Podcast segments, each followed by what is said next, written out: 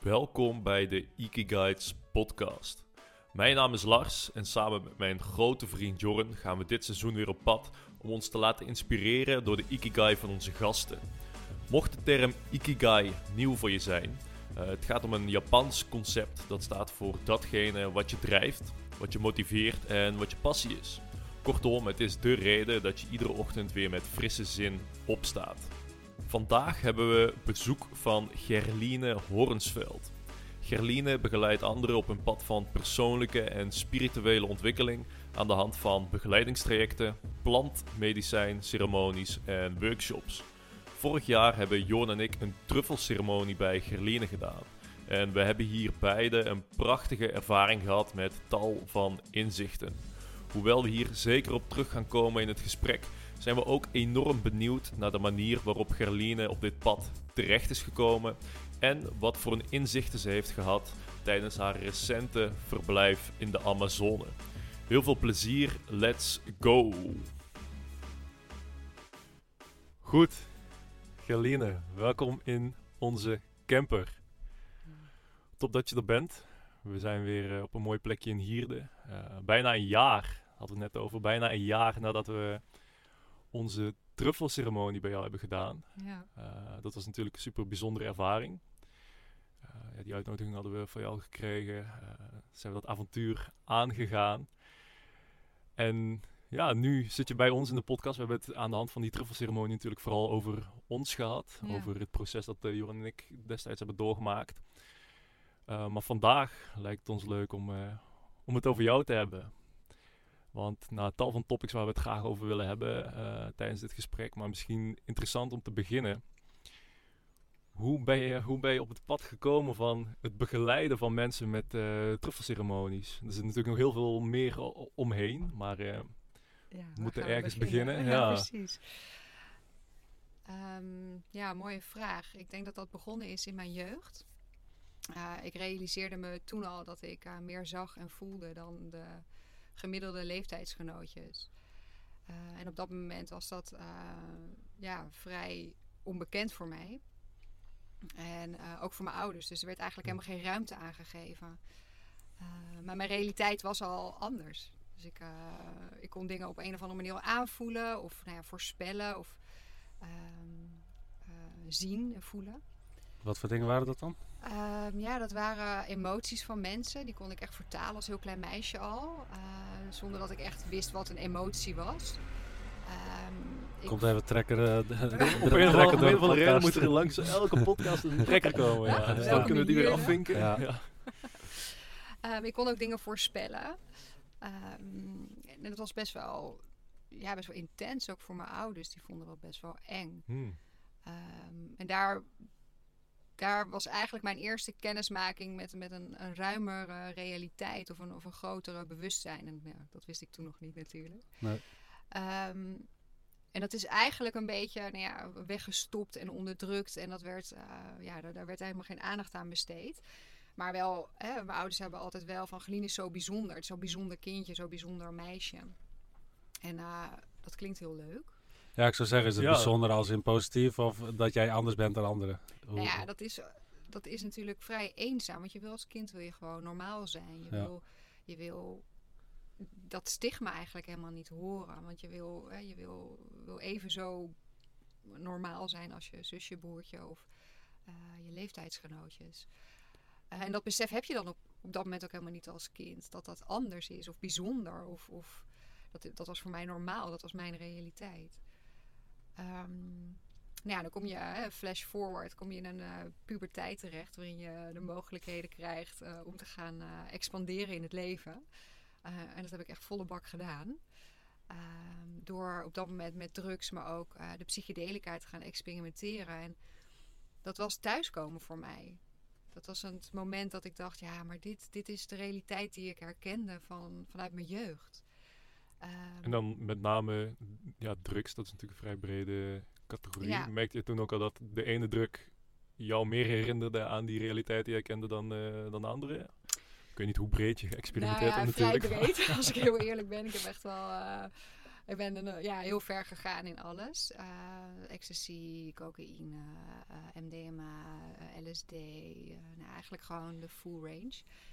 Alles wat er te krijgen is. Ja, ja, en ik had het ook echt niet willen missen. Want het was één groot feest van herkenning. En ook één groot feest van verdoving. Dus het is...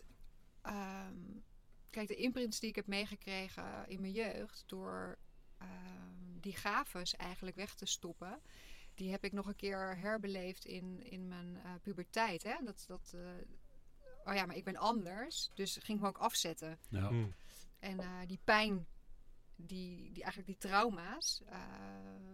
Hè, er zit nog veel meer trauma aan vast. Dat, daar gaat deze podcast niet over. Maar die, die werden onderdrukt en die werden gewoon op, op mijn, in mijn puberteit. ja, die, die, die mochten er niet zijn. Dus dat was een, een, een, een een fase van experimenteren, maar ook van thuiskomen. Dus het was heel duaal. Het was heel veel pijn wat eraan gekoppeld was, maar ook een enorme expansie van ja, maar dit is wie ik daadwerkelijk ben en mag zijn in dit leven. En uh, dat heeft een tijd geduurd.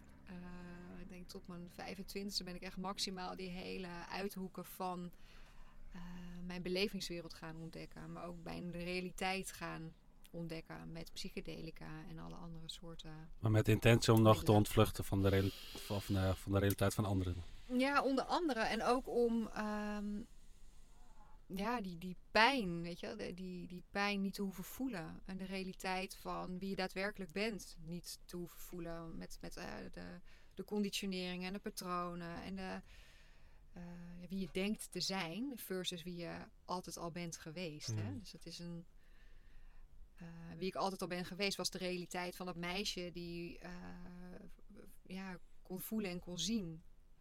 Dat was wie ik altijd al ben geweest. En, en wie ik dacht te zijn was hè, dat pijnlichaam en, en, en, dat trauma en, en dat bijzondere kind dat eigenlijk werd weggeduwd en er niet volledig mocht zijn. Uh, ja, dat was een uh, behoorlijke journey. En ik denk dat dat uiteindelijk de beginfase is geweest van de liefde ehm, voor het werk wat ik nu doe ondanks dat het een hele onbewuste periode is geweest, heb ik wel de rijkwijde kunnen ervaren en mogen ervaren van verschillende soorten uh, medicijnen. En die ik nu als medicijn zie. Toen de tijd uh, was dat gewoon uh, ja, lang leven de lol. Um, en eigenlijk lang leven de, de pijn, als ik heel eerlijk ben. Um, is het nu een medicijn waar ik heel, heel, heel dankbaar voor ben om mee te mogen werken. Ja. Ja, en ja, je zei dat je tot ongeveer 25ste uh, geëxperimenteerd hebt en ontdekt hebt met het motto lang leven de pijn, achteraf. Ja. En hoe, hoe is die overschakeling geweest richting, nou ja, met een compleet andere intentie, uh, ja, mensen helpen aan de hand van plantmedicijnen? Ja, mooi. Nou ja, dat is ook dat is in fases gegaan. Uh, ik denk dat de eerste realisatie bij mij kwam, um, was door, door de psychedelische ervaring. Ik werd echt soort buiten mijn leven gezet als een soort van toeschouwer. En toen keek ik echt vanuit mijn pijnlichaam naar mezelf. En toen dacht ik, wow, lieve Gelien, wat ben je eigenlijk aan het doen? Je bent jezelf zo aan het vernietigen. Op alle lagen, op spiritueel niveau, op emotioneel niveau, op, op je lichamelijk niveau. Um, wat ben je aan het doen? En toen ben ik eigenlijk ja, langzamerhand uit die cycli gestapt van feesten, drugs, uh, ja, de langlevende pijn. Um, en uh, op zoek gegaan naar veel meer bewustwording. Dus ik ben um, me gaan verbinden met yoga. Ik ben me gaan verbinden met um, meditatie. Ik ben me gaan verbinden met Vision Quest. Ik ben me gaan verbinden met plantmedicijn, maar dan in ceremonie. Uh, ja, dan kom je op een heel ander level. Of nou, level wil ik het eigenlijk niet zeggen, want dat klinkt als een niveau. Maar op een heel ander uh, laag uh, terecht van je bewustzijn een andere golflengte. Ja, andere frequentie. Ja, mooi gezegd. Ja. Oké, en ja, mensen helpen met plantmedicijn is natuurlijk niet het, enige eh, wat je doet. Dat is een, natuurlijk een hele laag van begeleiding en ehm, omheen. Want ja, zou je dat kunnen vertellen wat je daaromheen nog doet? Want daar, ja, we zijn meteen in die plantmedicijnen gedoken. En denken mensen misschien van, ja, ze zitten alleen maar uh, in een hutje, een hutje te trippen. en helpt mensen met trippen. wat, wat, wat, zit er allemaal nog omheen? Want kijk, plantmedicijn is natuurlijk ook een steeds hotter topic. Mm. Um, en ja, zoals jij dat wellicht ook in jouw jeugd hebt gebruikt, Mm. heb ik het idee dat het nou ook ja, in steeds grotere mate eh, als uitvlucht wordt gebruikt in plaats van Ja. ja, op een wat eh, meer hum humbele manier, om het eh, Mm. even goed Engels te zeggen. ja, Ehm maar ik even mijn initiële, initiële vraag kwijt. Ja, ik hoor wel wat je, wat, je, wat je eronder bedoelt. Ik denk dat je wil vragen, als ik het goed interpreteer, van hoe ehm, zet je plantmedicijnen in? Ja, En, en wanneer is het inderdaad ehm, een medicijn en wanneer is het alsnog een, een, een Ja. druk? ja, exact. Nou, ik denk dat daarin, eh, wat je ook zei, dan terugkoppelend op mijn werk, alles valt of staat met intentie. Hm. Ehm, kijk, als je, als je plantmedicijnen gaat zien als een fix of als een pil eh, of als een middel om iets te bereiken of een doel te bereiken, dan zit je veel meer in de hoek van ehm, een ervaring willen. Zo zeg ik het eigenlijk altijd. Ga je het zien als een medicijn en je ontvangt het medicijn en je stelt je open voor alle mogelijkheden die op dat moment zich aandienen. eh, je bent ontvankelijk, dan ehm, is het, heeft het veel meer een, een intentionele en een medicinale werking. En dat betekent ook dat integratie heel belangrijk is. Hoe integreer je dat in het dagelijks leven? Ehm, en hoe integreer je de inzichten van zo'n psychedelische reis in wie je altijd al bent geweest? Dus ik denk dat daar een heel groot verschil in zit. Ehm, en dat ik zie het veel gebeuren. Van, ik wil echt een hele toffe ervaring. Dus ik Ja. neem. En het, ik zeg ook niet dat dat verkeerd is, want dat kan ook heel, heel mooi zijn. Hè? Da- Daarom zeg ik ook, mijn, mijn hele eh, verleden met drugs en psychedelica was lang leven de pijn. Maar het was ook fantastisch. Ik Ja. heb ook echt een fantastische tijd gehad met het leven vieren. Alleen als ik het echt heel goed afbel, zat daar heel veel pijn onder. Hmm. Verdoving. Ja, En verdoving ervaring. met een En ervaring. ja, groots en meeslepends en drama van het leven willen voelen. Omdat, je bang, omdat ik bang was, laat ik het op mezelf betrekken, om kwetsbaar te zijn. En Ja. om, om in die zachtheid te stappen van mezelf. Ja. Ja, dat, dat is denk ik ook iets met alcohol. Wat je veel ziet is dat, eh, ja, we hadden het net al, al over eh, alcoholvrienden. Het, het is gewoon, eh, ja, het pelt een, een ego-laag of een beschermlaag of een rol die je aanneemt eh, weg. Waardoor je eigenlijk niet per se eh, diepe vrienden worden van binnen, maar dat je wel beter kunt connecten en eh, ehm, eh, ja, plezier Ja. met elkaar kunt hebben. Ja, ja mooi gezegd. Dus, dus het is wel iets, denk ik, wat veel mensen doen of herkennen. Of Ja. ik herken het zelf. Nou, ik heb nooit echt veel met drugs geëxperimenteerd, maar vooral alcohol. Ja. Ja, dat was toch een fantastische tijd. Maar Ja. ik doe het nu niet meer omdat het zo destructief is eigenlijk. Ja. Ja. Ja, en, en- ja, vertel. Nou ja, ik, ik heb natuurlijk ehm, eh, een heel mooi voorbeeld. Mijn moeder was eh, alcoholist. En zonder om haar ehm, eh, negatief af te schilderen, was de periode daarin wel heel pijnlijk. En ze is al lang van de alcohol af. Maar ik heb dat natuurlijk als kind ook meegekregen. Dus voor mij was ook dat stuk hè, van alcoholgebruik en drugsgebruik het afzetten van mijn moeder. Dus eigenlijk viel ik gewoon in herhaling. Ja. Eh, waarin ik bij mijn moeder heel veel afstand en weerstand had en boosheid voelde, kwam ik in dezelfde loop terecht. En dat is, ja, ik wil niet zeggen logisch, maar je kopieert als kind vaak wel Ja. hè, de, de, de, de, de afdruk van je ouders. Dus de imprint die je meekrijgt. Ja, en- en het verdoven echt overgenomen. Dus dit, Ja. dit vind ik een hele interessante. Want eh, ja, je zegt dat je de neiging hebt om in dezelfde loop Ja. te vervallen. Ja. Maar hoe kom je uit die loop? Want Mm, dat is iets. Ik heb het idee dat dat. En misschien is dat gewoon omdat ik op dit moment leef en dat dat in mijn kring gebeurt. Maar dat het eh, ons op dit moment in een groter tempo of op grotere schaal aan het lukken is om die loops te doorbreken. Ja. Waar dat bijvoorbeeld de generatie van mijn ouders eh, niet gelukt is, om wat voor reden dan ook. Heb jij enig idee ja, hoe het kan? Heb je daar zelf controle over? Dat is misschien wel ja. de vraag. Dat is misschien een hele diepe vraag ja, meteen. hele, die kan je op heel veel verschillende manieren Ja. kan je die ook ehm, beantwoorden. Vind ik, eh, vind ik een hele lastige, maar laat ik hem even eh, invullen ook met ehm, nou ja, mijn perspectief daarop. Ik denk dat alles valt of staat met bewustwording op je eigen conditioneringen en je eigen patronen en je eigen destructiviteit.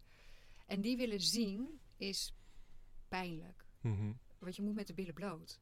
Hè, eh, wat Jor net ook zei, van ja, het, was natuurlijk, het is heel leuk, met, het contact met alcohol en vrienden, want je, je creëert ook sociaal iets eh, met elkaar.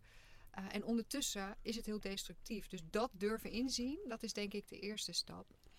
En dan ergens met hulp. Ik geloof namelijk heel erg dat we elkaar wel nodig hebben in deze maatschappij. Eh, je veroude verhalen loslaten. Dus het verhaal wat je jezelf continu vertelt, eh, durven loslaten. Dus het verhaal, ik heb alcohol nodig om gezellig te zijn, durven loslaten. Ik heb eh, drugs nodig om het tot het einde te blijven durven, noem maar even wat om het los te laten. Ik ben, eh, ik heb een moeder die alcoholverslaafd is, durven loslaten. Want als ik dat blijf herhalen, dan blijf ik ook slachtoffer. En als ik slachtoffer blijf, heb ik altijd een excuus om gedrag X, Y, Z te kunnen eh, Verantwoorden. ja, dankjewel, verantwoorden. Ja. Ja. En die is ja, jezelf eigenlijk gewoon in de spiegel durven aankijken. En jezelf ook de tijd gunnen dat dat stap voor stap gaat. Want Hmm. je grootste pijn zal nooit weggaan. Dus je loop waarin je eigenlijk continu in je leven zit, is altijd iets wat de rest van je leven zal blijven. Alleen het is een spiral en die gaat omhoog. En je wordt je steeds meer bewust van dat stuk, die pijn of die trauma of dat loopstukje waar je in zit. En je bewustzijn groeit daarop. Waardoor je dus minder getriggerd wordt, waardoor je dus minder in die destructiviteit komt, stap voor stap, langzaamaan, waardoor je minder eh, ja, het buiten jezelf gaat zoeken. Maar, maar stel je, je luistert hiernaar, je, je, je bent je dus eigenlijk niet bewust. Wel van dat je bepaald gedrag hebt wat je niet echt dient of zo. Ehm, ja, wat is dan een stapje die je als eerste kunt overwegen om te denken: oké, ik heb bepaald gedrag die ik niet echt leuk vind van mezelf. Zo. Misschien heb je dat bewustzijn wel, sommigen ook totaal dat al niet. Ja. Wat is een, een begin stapje wat je kan doen of te denken van oh misschien heb ik nog iets vanuit het verleden of vanuit mijn, vanuit mijn ouders of vanuit mijn jeugd wat me nu heel erg dwars zit Ja. waar ik echt geen idee van heb Hmm. ja, vraag om hulp. maar, maar wie, bij wie want je mag of je mag wel maar ehm, veel mensen hebben moeite om kwetsbaar te zijn en Ja. ja. ja als je niet echt weet wat je zoekt of wat je probleem is of wat, je- wat je aan antwoorden zoekt want dan waar begin je dan Ja, dat is een hele mooie vraag. En dat is ook, ook weer een vraag die op heel veel verschillende manieren beantwoord kan worden. Ik denk dat. ehm, ja, kijk, vragen om hulp, het klinkt heel makkelijk. Maar het is, het is inderdaad iets wat heel moeilijk is. En vooral als je eh, gewend bent om het altijd alleen te doen. Of je, eh, ja, er zit schaamte op, of kwetsbaarheid op, of er zit eh, angst op. Er zitten zoveel lagen in het vragen om hulp. Ehm, en toch is dat wel de eerste stap. Want als, als ik niet weet wat er in jouw innerlijke binnenwereld plaatsvindt, kan ik ook niet iets ehm, voor jou betekenen. En dat betekent dus eh, hulp vragen aan een vriendin, aan je ouders of aan een instantie of, of aan de dokter of aan iemand waar je je goed bij voelt. Van oké, dit is wat er, wat er gebeurt in mijn binnenwereld. Ehm, wil je gewoon even naar me luisteren? Ja. En hè, dat, vaak vullen we ook dingen in voor elkaar, maar wil je gewoon even luisteren? En er zijn zoveel verschillende manieren. Hè. Er zijn inmiddels podcasts, er zijn retreats waar je naartoe kan, er zijn ceremonies, er zijn ehm, voor elke leeftijdscategorie hele mooie verbindende eh, eh, dingen eh, die we kunnen doen om, om eigenlijk ons kwetsbare zelf te mogen zijn. Maar dat is super eng. ja Ik denk dat dat trouwens wel een goed, goed is, want wij hadden het daar vanmiddag ook over, eh Jorren. Ehm, daar hebben we het vaker over van hoe kan het dat eh, bepaalde loops generatie op generatie doorgaan. Eh, traumatische loops waar dan bepaalde gedragsvormen uit voortvloeien. En dat deze generatie of rondom de- deze generatie mensen ineens in staat raken om die loop te doorbreken. Ja. Maar ik denk dat bijvoorbeeld social media of toegang Mhm. tot ah, eigenlijk een veel breder sociaal netwerk Mhm. via internet en sociale indrukken en sociale eh, rolmodellen, dat dat wel eens een soort van kickstart kan zijn of een exponentiële toename kan leiden in de, ja, de- het ontstaan van bewustzijn. Absoluut. En het mensen aanzetten op eh, zelfreflectie. Ja. Want dat, dat is wat mij betreft de, de stap. Ja. Ehm, de, de stap richting zelfreflectie. Ja. Dus een bewust bezig gaan met ja, kijken van wat doe ik, waarom doe ik het en ben ik daar, daar tevreden mee. En ik denk dat, dat dat het begin is van uit zo'n loop breken. Of eigenlijk, ja, wat jij mooi zegt, eh, de spiraal omhoog, omhoog Ja. gaan maken. Ja. ja, jezelf echt, echt durven aankijken. En dat, dat kan je natuurlijk in eerste instantie in stilte doen. En daarna om hulp vragen. Ehm, ja, wie ben je altijd al geweest? En dat is eigenlijk, ik zeg altijd, wie ben je als kind altijd al geweest? Want daar zit zoveel informatie. Wat, wat vond je als kind leuk om te doen? En waardoor heb je je laten afleiden? Of waar ben je meer in je, in je schulp gekropen? Of waar ben je meer afstand gaan doen van jezelf? En ja, die, het is ook, het is, het is best een, er wordt veel van ons gevraagd in Ja. deze tijd. En er, wordt, er is heel weinig tijd om daadwerkelijk ook te voelen of om daadwerkelijk ook stil te staan van wat gebeurt er nou met mij? En vind ik dit wel echt leuk om te doen? En zeg ik wel echt ja? En zegt mijn lichaam ook ja? Hè, vaak zegt, zeggen we ja en dan zegt ons lichaam nee. Nou, En ehm, ja, als we dan terug, terugkomen op plantmedicijnen als hulpmiddel, eh, misschien zelfs al een springplank Mhm. om aan zelfreflectie te doen of inzicht te krijgen eh, over jezelf. Denk je dat plantmedicijnen iets losmaken wat al in ons zit? Of dat ze Mhm. iets komen geven? Snap je wat ik bedoel? Ja, beide denk ik. Ik denk dat. ehm, Ik- Dit, dit- deze vraag stel ik misschien wat meer context nodig, omdat eh, jij aangeeft dat je van kinds af aan al bepaalde dingen ziet, eh, waarvan je dan achterkomt dat andere mensen dat niet altijd hebben. Ja, denk je dat plantmedicijnen iets in ons losmaken? Of iets in ons, ons zicht, inzicht geven in datgene wat jij bijvoorbeeld al van kinds af aan ziet, waar andere mensen plantmedicijnen voor nodig hebben? Eh, of dat ze echt ja, iets, iets toevoegen, echt iets inbrengen, van buitenaf inbrengen? Beide. Ehm, kijk, dan wil ik even vooropstellen dat plantmedicijnen iets is wat, eh, wat sowieso niet voor iedereen is en, en waar je ook echt eh, voor open moet staan. En dan, dan zijn er mogelijkheden om inderdaad inzichten te krijgen in ehm, ja, datge- degene wie je, wie je daadwerkelijk bent. En om, om daar heel even op in te tunen is dat wat eh psilocybine doet, die ehm, verlaagt de default network. En dat is eigenlijk het eh, netwerk in ons systeem wat zicht, gehoor en emoties echt in hele rechte lijnen ehm, controleert, laat maar even op die manier zeggen. En wat gebeurt er met de inname van eh psilocybine? Dan wordt de default network wordt verlaagd, dus die banen worden eigenlijk worden vermengd met elkaar.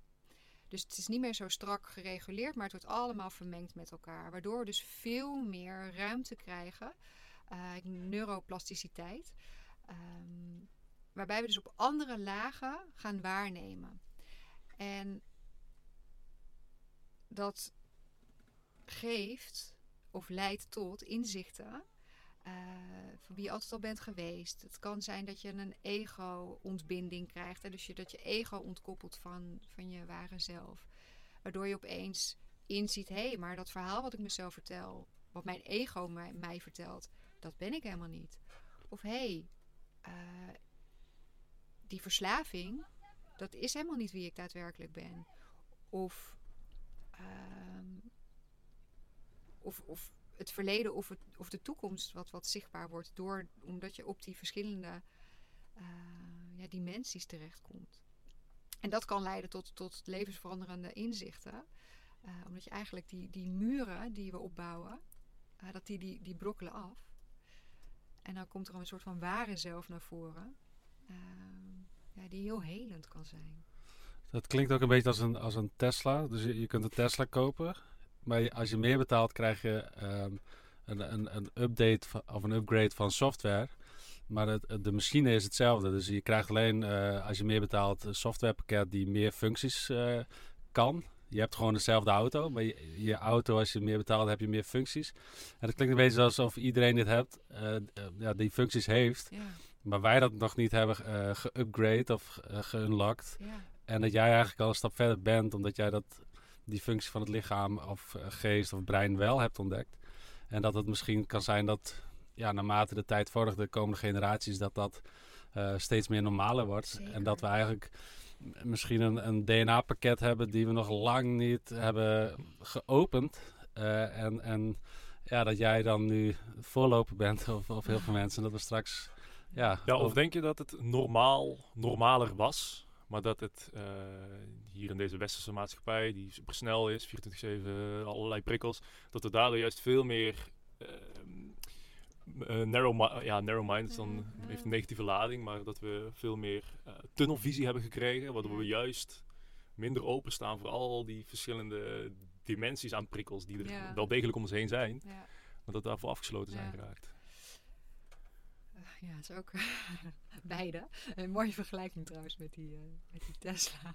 Nou ja, ik, ik was dus ook benieuwd, want ehm, jij ziet dan dingen en ik heb ook wel eens gehoord dat mensen dan eh, geesten of zielen zien of Ja, zo. Is dat ook iets wat jij kan zien? Ja, Ehm, ja. ja. Maar wel, en dat sluit alweer aan op Lars, ik kan dat dus alleen maar ervaren en zien als ik super schoon eet, als ik in een rust leef, als ik ehm, niet te veel zorgen heb, niet te veel stress. Eh, dus het is een staat van ehm, interne rust. Eh, dan, dan sta ik open voor, voor die frequentie. En dat is wat jij zei net van jij bent al verder. Nou, ik ben niet verder. Ehm, ik denk dat ik hè, als we het hebben over hoeveel ruimte bijvoorbeeld trauma inneemt in ons systeem. eh, Daar ben ik zo bewust mee aan de slag gegaan met verschillende soorten therapieën en onder andere plantmedicijn. Ik heb ruimte gecreëerd om die rust op cellulair niveau eh, te ervaren, waardoor ik dus ja, dat helder zien toe kan laten. Maar dat kan iedereen. Ehm, alleen niet iedereen is helderziend. We zijn helder horend, helder ruikend, helder voelend. Ehm, eh, we zijn mensen die heel erg eh, scherp op emoties zijn en daar ehm, mee kunnen werken. Dus iedereen heeft zijn eigen eh, medicijn of zijn eigen kwaliteiten daarin. Heb je dan ook gemerkt, nou, omdat je dus blijkbaar geboren bent met ja, kanalen die dan al redelijk Mhm. openstaan, om het zo maar even te Mhm. zeggen. Eh, heb je dan ook gemerkt dat in die tijd van je, van je puberteit en dat je ging experimenteren en Mhm. je eigenlijk die chaos hebt ervaren, dat het toen minder werd en dat weer meer is geworden eh, naarmate ja, je bent gaan helen? Zeker, ja. Oké. Ehm, en dat is ook het duale daaraan, want door eh, het gebruik van psychedelica kom je aan de ene kant thuis in die multidimensionale realiteit, die ik dus al erv- ervaarde. Ja, Ja, ervaar, ervoer, ervaarde. Nou, goed. Forgive me. Ja, Eh, ja, ik ben Fries, dus eh, Lars, moet, moet deze beantwoorden. Of Ja, ik goed ben is. Brabants, dus nou, ik, ben, eh, ik, ik ben Nederlands, maar eh, van Brabant, Nederland, Fries, ik weet niet wat ik ben. Maar, ehm, nou ja, goed. Ehm, ik denk dat, dat ehm,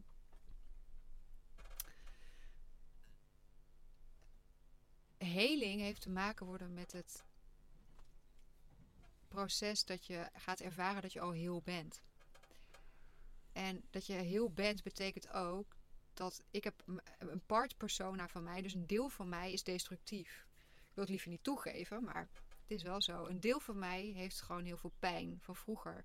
Een deel van mij ehm, kan echt een bitch zijn. Een deel van mij is super liefdevol en zorgzaam. Een deel van mij is een medicijnvrouw. En een deel van mij is een vriendin. En een deel van mij is, nou, et cetera. En dat is mijn heelheid. Als ik daar iets uithaal, of iets negeer, of iets onderdruk, dan negeer ik mijn eigen heelheid. En we willen natuurlijk het allerliefste ons allermooiste, perfecte zelf zijn. Daar gaat deze maatschappij ook zo aan kapot. En, en daar zijn al die filters op Instagram. En we Mm. willen het perfecte plaatje. Maar in die heelheid zit ook een, ook een, een deel van mij wat gewoon vraagt om aandacht. Wat destructief is. Wat, wat, wat, wat, wat, wat die bitch kan zijn. Maar mijn bitch kan heel erg negatief zijn. Maar het kan ook heel positief zijn. Als ik mezelf moet beschermen ten opzichte van een, een aanval, noem maar wat, dan is die innerlijke part persona bitch perfect tot uiting. Maar als ik hem ga gebruiken om iets voor elkaar te krijgen en heel manipulatief ga doen, ja, dan is het een, een, een stuk van mezelf wat natuurlijk niet zo eh, schoon is. Ja, en dan, dan kom je ook weer terug bij bewustzijn. Je kan geen delen van jezelf gaan onderdrukken, maar als je je bewust bent van welke delen er in je zitten, dan kan je wel controle hebben over of je de positieve versie tot uiting laat komen of de, Ja, mooi gezegd. de negatieve. Ja. En ook niet altijd. Kijk, als, als ik word getriggerd op mijn pijnstuk, hè, als we het hebben over die loop. Dus eh, nou, laat ik even een, een concreet voorbeeld noemen. Um, een van mijn pijnstukken is zichtbaarheid. Uh, waarom? Omdat ik niet werd gezien als kind in mijn gaves. Mm. Um, dus zichtbaarheid zal de rest van mijn leven, omdat hij daar zo imprint heeft gehad, de rest van mijn leven pijn doen. Nou, wat heb ik gedaan? Heel mijn leven altijd vriendjes uitgezocht die precies op die trigger, op die pijn hebben gedrukt. Dus ik werd niet gezien. Uh, ze gingen altijd vreemd. Ze hadden, nou, ze besteden geen aandacht aan mij. Dus ja, lang leven uh, de pijn en het trauma. Dat was continu, nu, continue struggle. En um, dat gaan doorzien op een gegeven moment dat je denkt... hé, hey, maar dit is dus de loop waarin ik zit. Dit is dus het, het thema zichtbaarheid. Steeds, steeds kwam ik meer tot de, de, de ideale partner... Hè, die dus mij wel zag voor wie ik was. Maar ja. daar had ik al die fases voor, moet, die moest ik daarvoor doorlopen. Wa waarom is het, denk je, dat juist als je een probleem hebt met zichtbaarheid of een trauma hebt op zichtbaarheid, dat je mensen aantrekt die je op dat trauma pakken? Ja, it's the, the lesson of the loop. ja. dat is wel interessant. Je zou zeggen dat je het zou vermijden. Ja. Dat Nee. je die, die juist, exact het tegenovergestelde. ja, dat je juist vriendjes wil die, die eigenlijk obsessed met jou worden en dat, dat die jou alleen maar zien, alleen maar met jou bezig zijn. Je zou bijna zeggen dat je... Dat zou misschien ook nog Ja, kunnen, dat, toch? dat die, maar dat is weer dus, dus dat is de andere negatieve kant. Dus je wil eigenlijk Ja. die balans van iemand die je gewoon ziet, maar ook doorziet. En ook die, eh, eh, kijk, ik ben ook onwijs mijn voetstuk gezet. Maar wat gebeurde er dan? Dan pak ik er even mijn par persona bitch, dan ging ik manipuleren. Ja, ja. Vond ik toch lekker? Ja. Oh, nou, dan word ik, oh, heerlijk. Nou, kan je even dit voor mij? Kan je even zus voor mij? Maar ik had het op dat moment niet bewust door.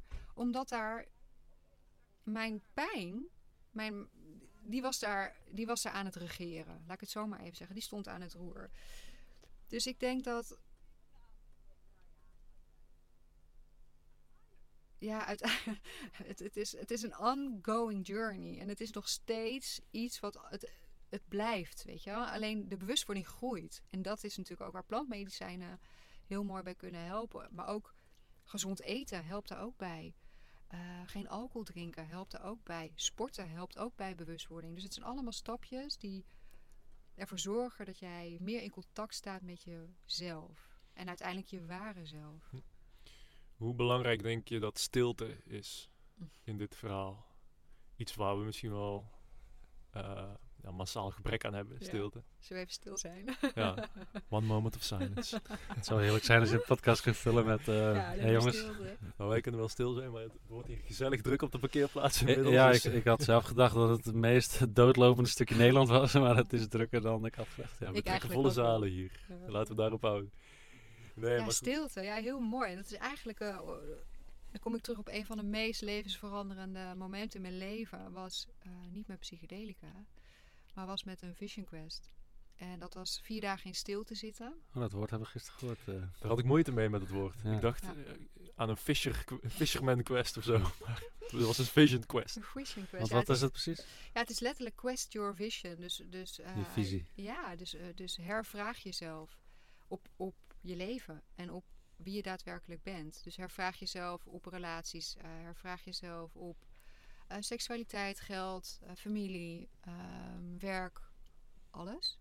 Dus Maar daar waar je ongelukkig bent of niet, niet nee, blij mee bent of gewoon altijd? opnieuw vragen van oké, en dat is natuurlijk sowieso heel mooi om te doen. ehm, het werk wat ik nu doe, het, de partner die ik nu heb, het geld wat ik nu verdien, de seksualiteit die ik nu ervaar, ehm, het geloof wat ik nu heb, is dat waar? Hmm. Is dat, is dat wat, ik, wat me echt gelukkig maakt? En dat is eigenlijk wat je doet in een vision quest. Dus alles wat je doet in je leven, wat je normaal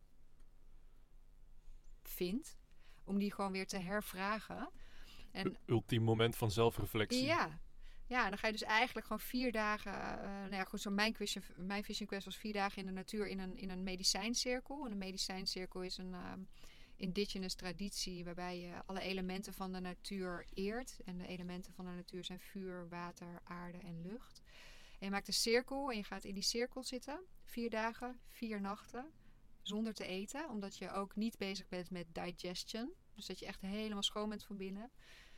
Uh, en je blijft in die cirkel zitten, behalve als je uh, de behoeftes hebt, uh, dan mag je de cirkel uit. Maar je slaapt en zit in die cirkel en je bent stil. Of je gebruikt je stem, maar je zit in silence met jezelf in de natuur.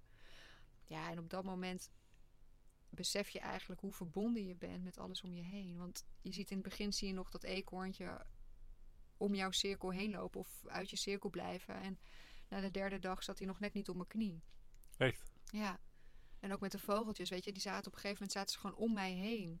En ook, ook de herten en, en, en, en alles wat daar, want het was in Frankrijk, dus het was wat wilder, uh, uh, iets meer wild nature, kwam allemaal dichterbij. En dan besef je hoe onderdeel je bent van de natuur. En dan terug te komen op de westerse maatschappij. We zijn zo verwijderd van onze ware natuur, van onze uh, verbinding met de natuur. En die is, de natuur zegt alles. Alles. Ja, en ja, je zit daar dan in een uh, cirkel. Ja. op jezelf, maar eigenlijk ook totaal niet. Uh, maar dat begin je dan gedurende die zit Ja. te beseffen, denk ik. Ja. Kan je omschrijven wat er dan gebeurt in de loop van de dagen? Hoe, hoe is dat proces? Ja, het is prachtig. Ja, wat gebeurt er eh, in een Vision Quest? Het is ehm, de tijd voor verwondering, de tijd voor eh, verveling. Ehm, ik heb visioenen gehad. Ook de tijd om, om echt te voelen en daarbij stil te staan. eh, zonder dat je je telefoon pakt, zonder dat je afleiding zoekt. Maar helemaal in en met jezelf dat doorvoelen en zijn. En ehm, ja, de verbinding met de natuur voelen was voor mij. Het, het raakt ook ergens. Het was zo magisch. En dat ik me ook zonder ook maar iets te gebruiken buiten mezelf gewoon kon ervaren hoe connected ik was met alles om me heen. Dus met, met het leven, met universe, met, met source, eh, alles. En ik voelde echt een soort van eenheidsgevoel. En dat zonder middelen. Helemaal met mezelf. En dat heeft er uiteindelijk toe geleid. Ik heb daar het visioen gehad van ga met het shamanisme werken. Want Ah, daar ligt je. ontstaan. Ja, daar ligt je roots.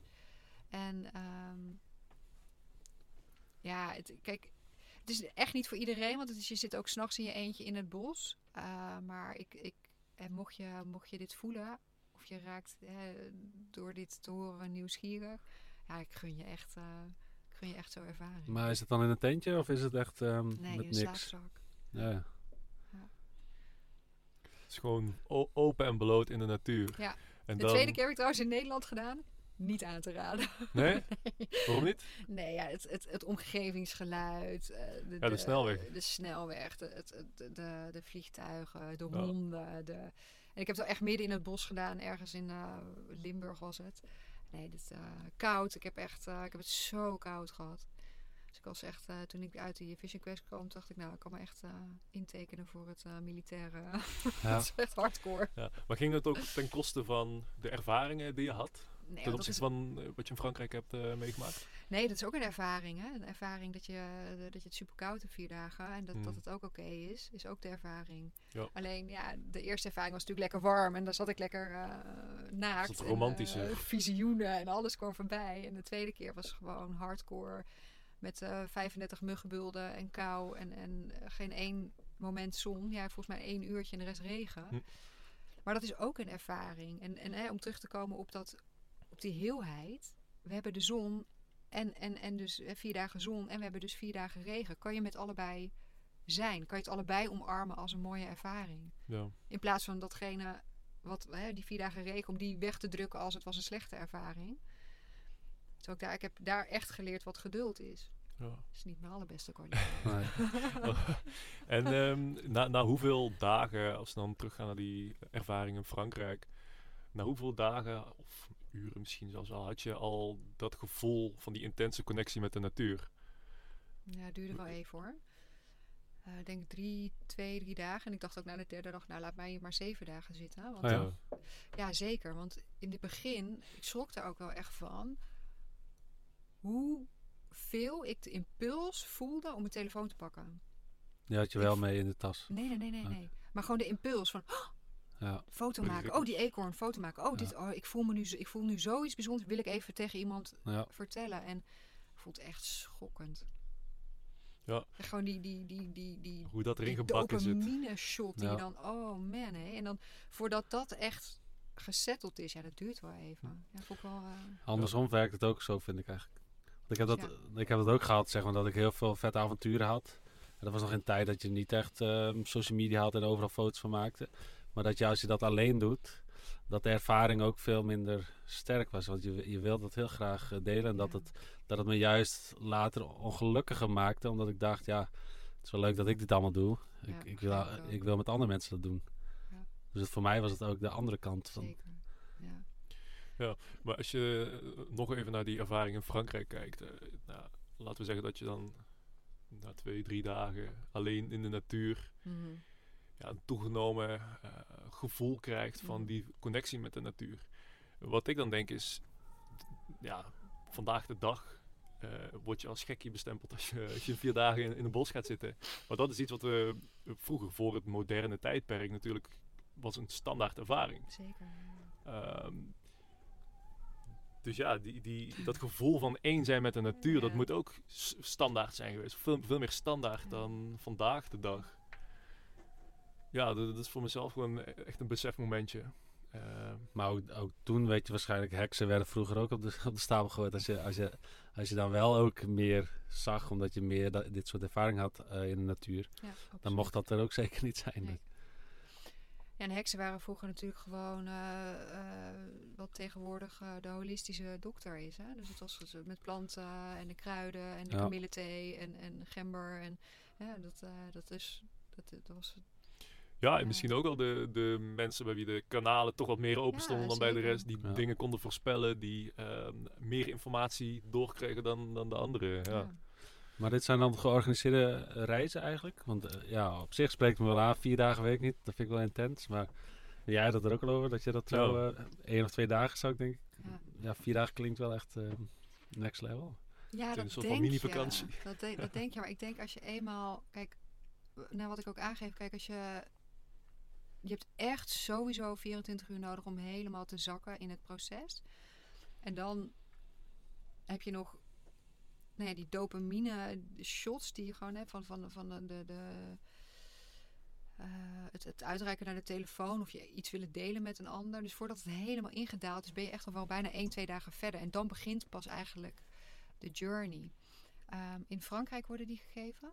Eh, ik zal ook wel eventjes eh, bij Maison Alusette, ik zal daarvan even de link ook eh, geven. Ja. En ik wil ze ook in, ik wil ze in Nederland gaan doen, maar dan wel op een eh, wat laagdrempeliger manier. Maar dat is in ontwikkeling, dus dat komt nog. Oké. En eh, qua voeding eh, in die vier dagen? Helemaal niks? Of? Nee, alleen water. Oké. Ja. ja, het is, eh bouw je natuurlijk wel af. Ja, dus het is echt ook om je helemaal in het reinen, dus eigenlijk helemaal in de schoonheid van je, van je hele systeem, eh, zonder afleiding, dus zonder digestion, eh, te zitten met jezelf. Want ook je, je digestion, wat is het Nederlandse woord? Eh, Ja, Vertering. vertering, vertering, ja. Je, je vertering kost gewoon heel veel energie. En ehm, ja, eigenlijk is, is ons darmstelsel, noemen ze wel eens het afvalputje van, van, van alles wat er plaatsvindt, energetisch en emotioneel. Dus als je dat even kan eh, berusten, dan kan je echt helemaal tot een bepaalde ja, zuiverheid komen in jezelf. En echt goed afstemmen op wat, wat, wat is nou eigenlijk. Wat is wat, wie, waar doe ik dingen? Ja, ja en eh, nou, tot zover de, de Vision Quest eh, die je in Frankrijk hebt gehad. Maar jij bent recent er ook een hele periode tussenuit geweest. Ja. Heb je teruggetrokken in de Amazone. Ja. Eh, ja, kan je daar eens wat over vertellen? Want Hm. Ik heb daar nog niet heel veel over gehoord. Maar het klinkt echt als een eh, heel bijzonder avontuur. Echt. Ja. Ik heb er ook nog niet, ook niet heel veel over gedeeld, omdat het ook heel moeilijk te vatten is in woorden wat er dan Ja. plaatsvindt. Dat is vaak het lastige met dit soort topics. eh Ja. die we nu aan het bespreken zijn. Waar ga je beginnen? Nou ja, goed, ik denk dat. ehm, Wat, ben je, wat ben je daar gaan doen? Eh, ben je daar met een bepaald doel naartoe gegaan? ja, zeker. Ik ben daar. ik wil. Ik, ik wil eh, de plant ayahuasca bestuderen. Eh, ik heb inmiddels daar al eh, vele malen mee geconnect. Om uiteindelijk in de toekomst ook met het medicijn te gaan werken. Ehm, en ik ben iemand die echt, echt wil studeren voordat ik überhaupt werk met, met nou dit soort sacramenten eigenlijk. En ehm, daarvan is voor mij een voorwaarde om echt te connecten met de plant bij, bij waar, het, waar het groeit. Uh, dus ik ben naar de Amazone gegaan. Ik heb bewust gekozen voor een vrouwelijke curandera, dus een vrouwelijke shamaan.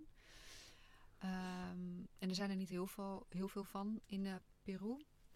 Ehm, maar deze vrouw die... ehm, ja, echt... echt what, a, force. Echt, echt een maestra die echt van A tot en met Z eh, de planten kent en de helende werking. En ik ben daarheen gegaan om ehm, het mannelijke, de mannelijke energie en de vrouwelijke energie eh, te herstellen in mijn systeem. Ehm, omdat ik merkte dat ehm, ik mijn vrouwelijke energie meer, wilde omarmen. Ik, ehm, nou, daar ben ik eigenlijk, eh, daar heb ik gewoon hele diepe teachings in gehad. En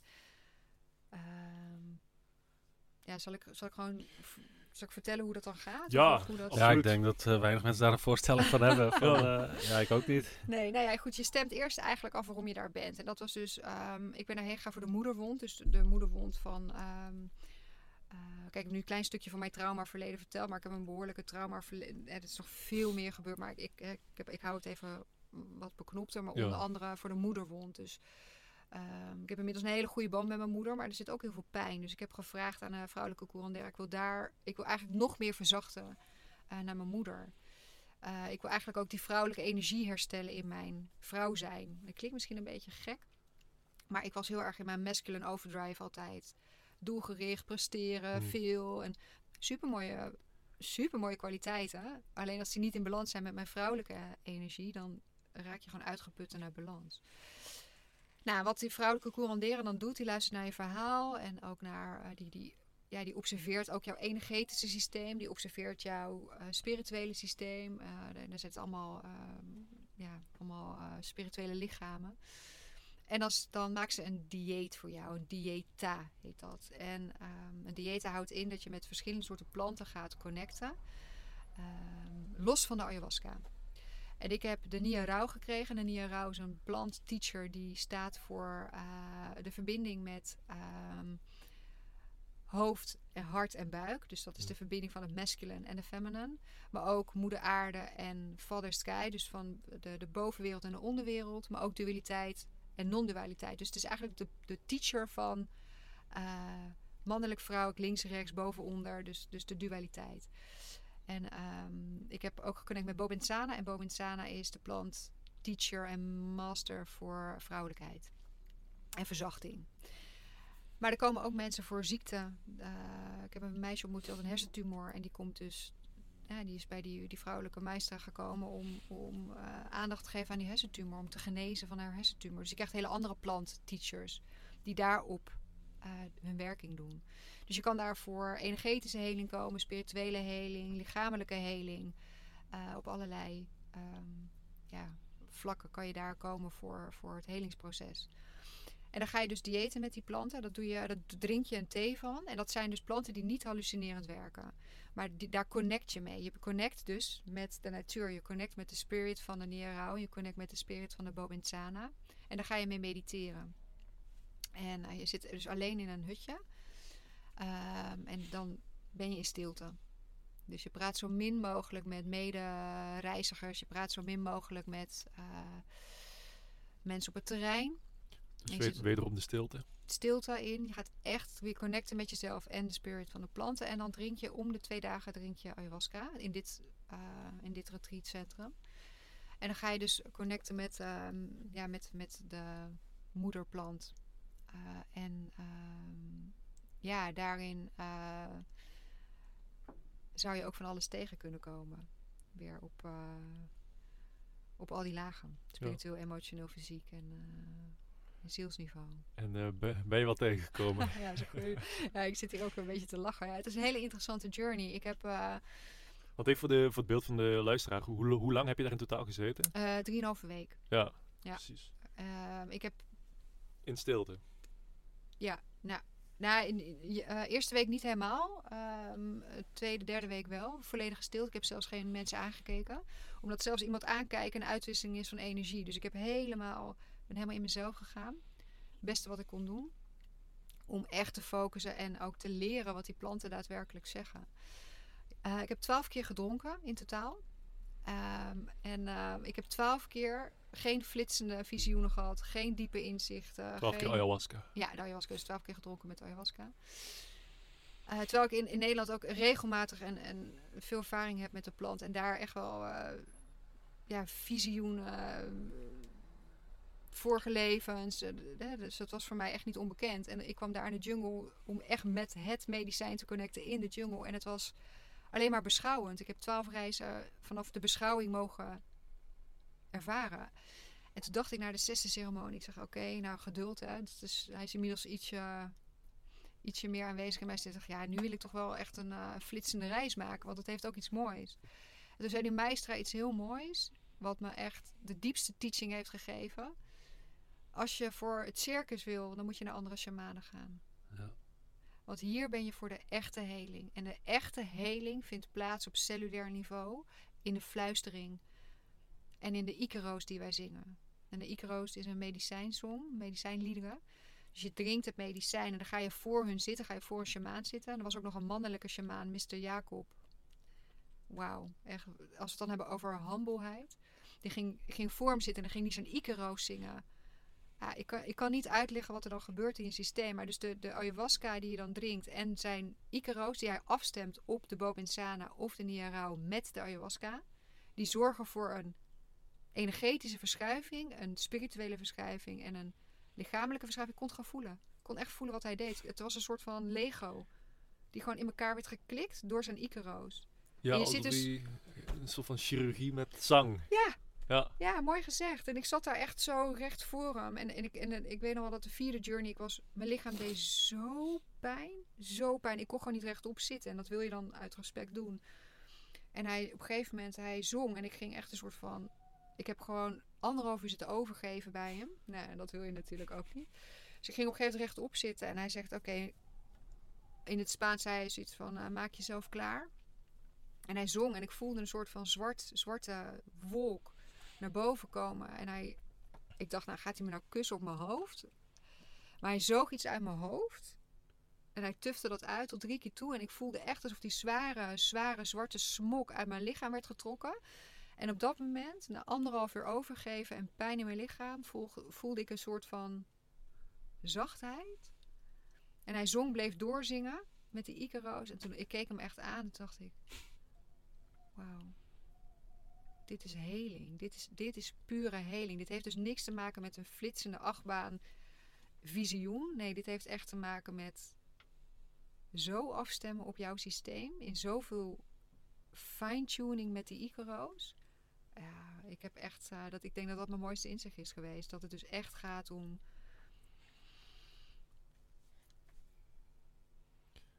Ja, ik ben er stil van. Eigenlijk woorden uitdrukken. Ik ben er zelf... Ja klinkt als magie. En het is, is het, ook, uh, is het ook ja. ja. En het is ook echt, uh, zowel als die maestra, het is, het is, het is een, een, een, een medicijn die mij in ieder geval op dat moment heeft geleerd dat het echt een heling heeft op zoveel niveaus. En dat dat dus echt niet gaat wat we vaak zoeken in psychedelica. Uh, dat we een flitsende ervaring willen. Maar als we heling zoeken, dat het echt veel meer gaat over: heb je geduld? Durf je te wachten? Kan je toeschouwer zijn van je eigen proces in plaats van jezelf kwijtraken in een out-of-body experience? Kan je gewoon zijn met wat is? Ja, wauw. Ja, dat klinkt inderdaad als een hele humbele, op, oprechte uitvoering van, uh, van de, de hype rondom Absoluut. psychedelica en ayahuasca die je nou uh, ziet ontstaan. Ja. ja. Ja. dat. Ja, mooi gezegd. En dat, dat kom jij dus naar Nederland brengen. Dat is het doel. Ja, ja zeker. Ja, het is ook heel mooi gezegd. Want dat besef ik mezelf misschien nog niet helemaal. Maar dat het wel de boodschap is. En dat ik... Kijk, laat ik er niet omheen draaien. Ik vind zo'n flitsende ervaring kan ik soms ook echt heel lekker vinden. Maar leer ik er heel veel van en vindt er op cellulair niveau heling plaats? Meestal niet. En dan spreek ik voor mezelf. Bij de, wat, hoe kun je dat onderscheiden dan?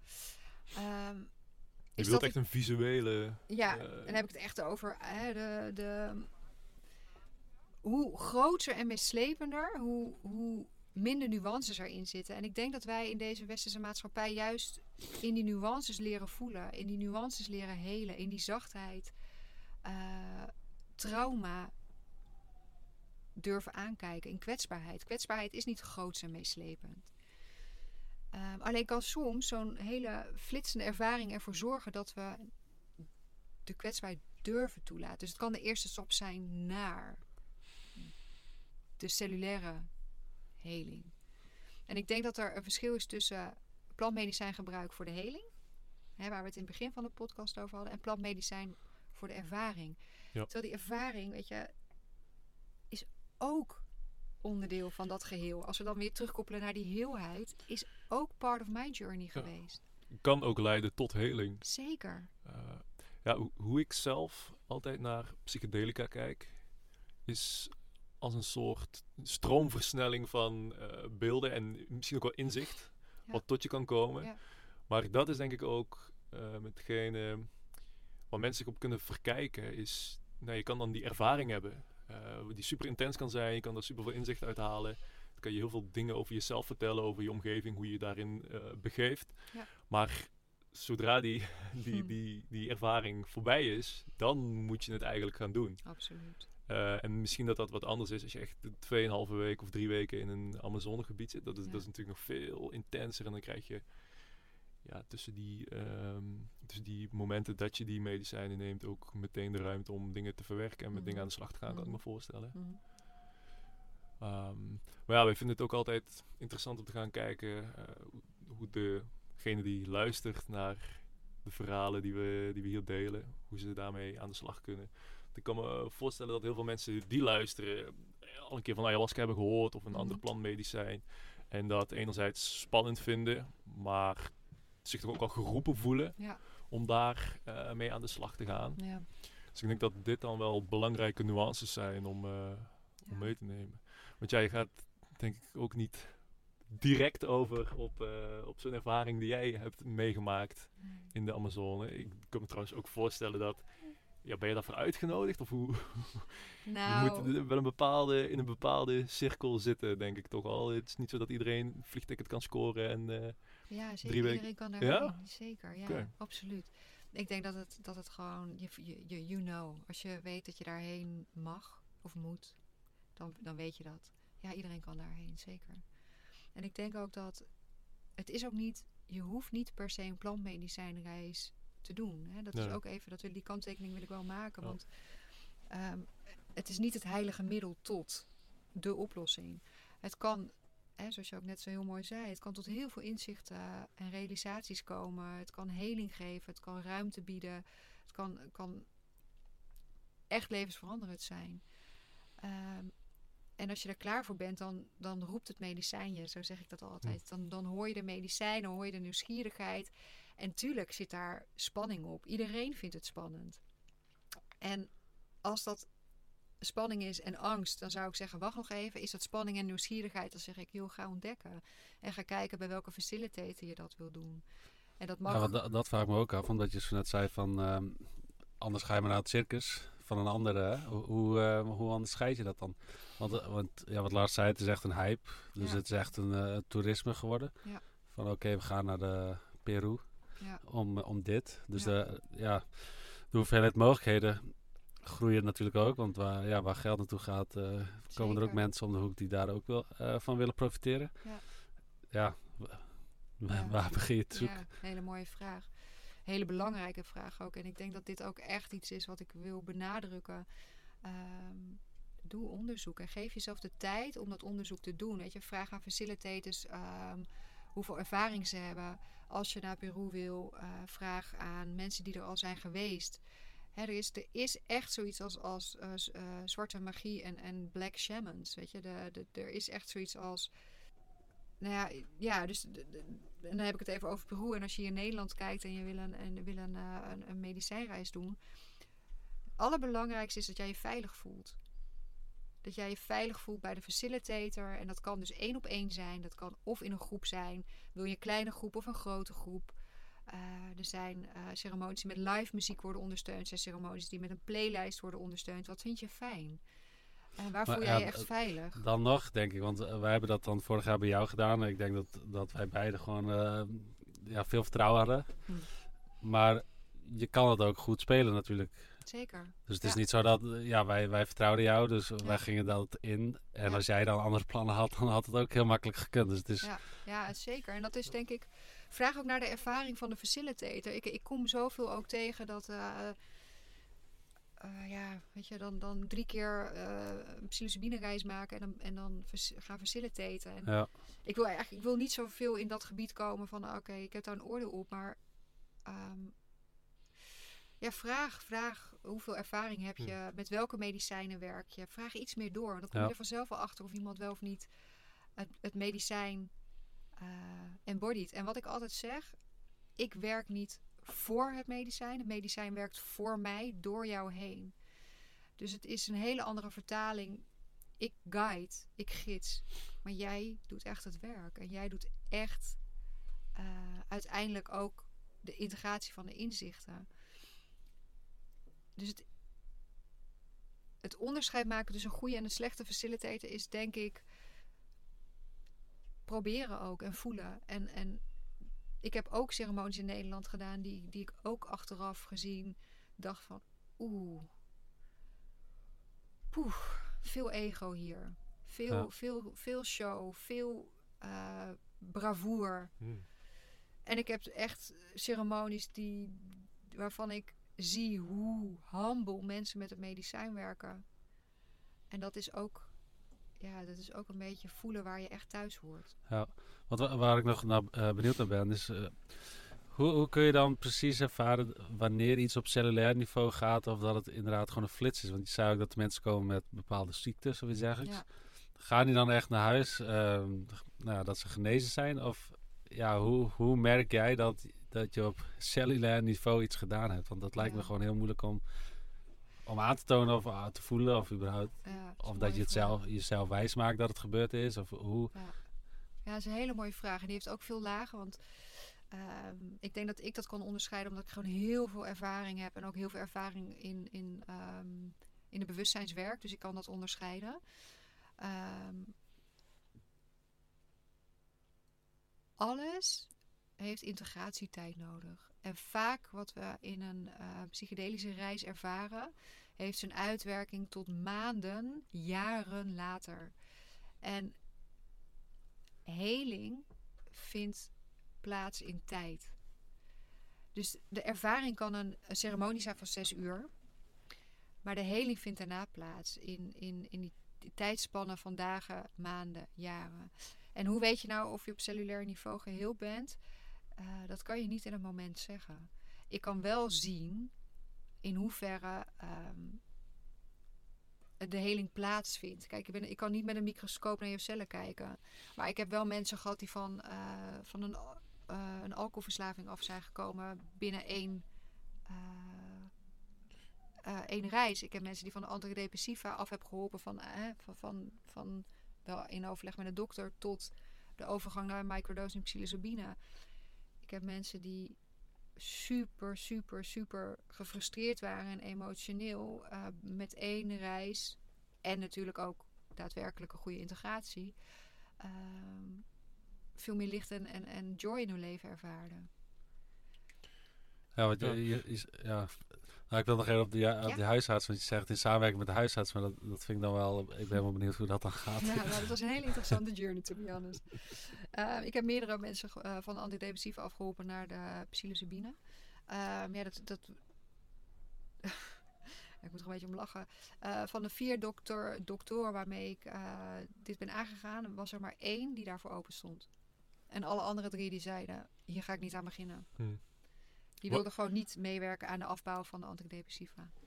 En wa- wat, wat maakte die ene dokter die wel aan de slag wilde? Wat waren zijn motivaties om wel met jou aan de slag te Ja, gaan? hij, hij wist wat het gebruik van psil- psilocybine voor effect Ja, heeft op antidepressiva. Ervaring mee Ja. dus ook. Ja, Ja. maar ja, goed, dat, zei niet? hij niet met zoveel woorden, maar dat, dat bleek wel uit, eh, uit eh, de vragen die hij mij stelde en ook de, de, de welwillendheid om antidepressiva af te bouwen en met mij dit traject aan te gaan om de psilocybine.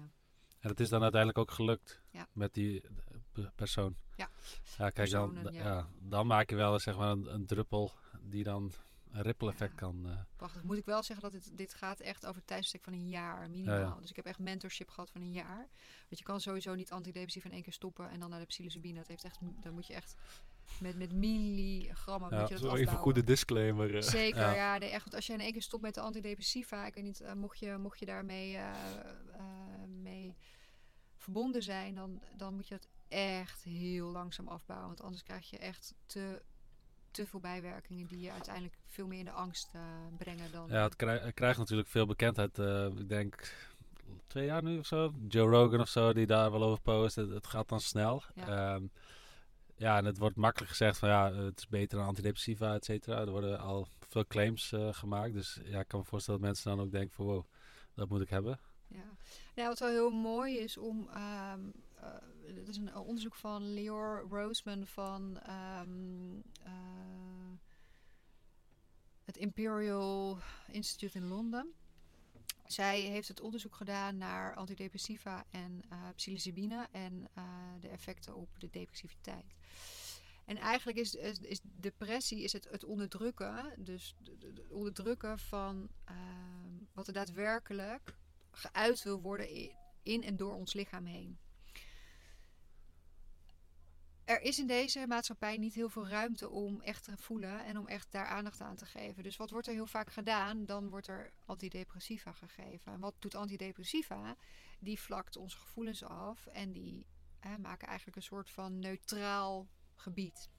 Terwijl wat je eigenlijk wil is ehm, die emotionele ehm, eh, responsiviteit, die wil je juist de ruimte geven, de ruimte geven om ehm, te voelen wat er daadwerkelijk gebeurt. En dat is dus wat psilocybine doet. Die geeft juist ruimte aan alles wat er gevoeld mag worden, zowel negatief als positief.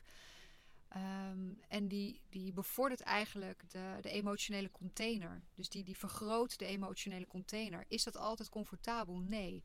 Is daarbij goede begeleiding nodig? Ja. Juist bij, eh, bij depressiviteit. Omdat die veiligheid moet, moet iemand eh, kunnen voelen. Dus niet alleen in het traject, maar ook daarbuiten. Want anders is, is de stap naar, naar antidepressiva zo gemaakt. Ja. Eh, en antidepressiva die verdooft het eigenlijk. Eh, en die maakt, het, die maakt het ook neutraal. En ik ben zeker niet antidepressiva. Ik denk dat, of ik ben niet anti, anti, anti, antidepressiva. Ik denk dat antidepressiva in een aantal gevallen super effectief is. Als je echt in de allerernstigste vorm van angst zit en Ja. ehm, eh, depressiviteit is het een prachtig middel. Maar alles daartussenin.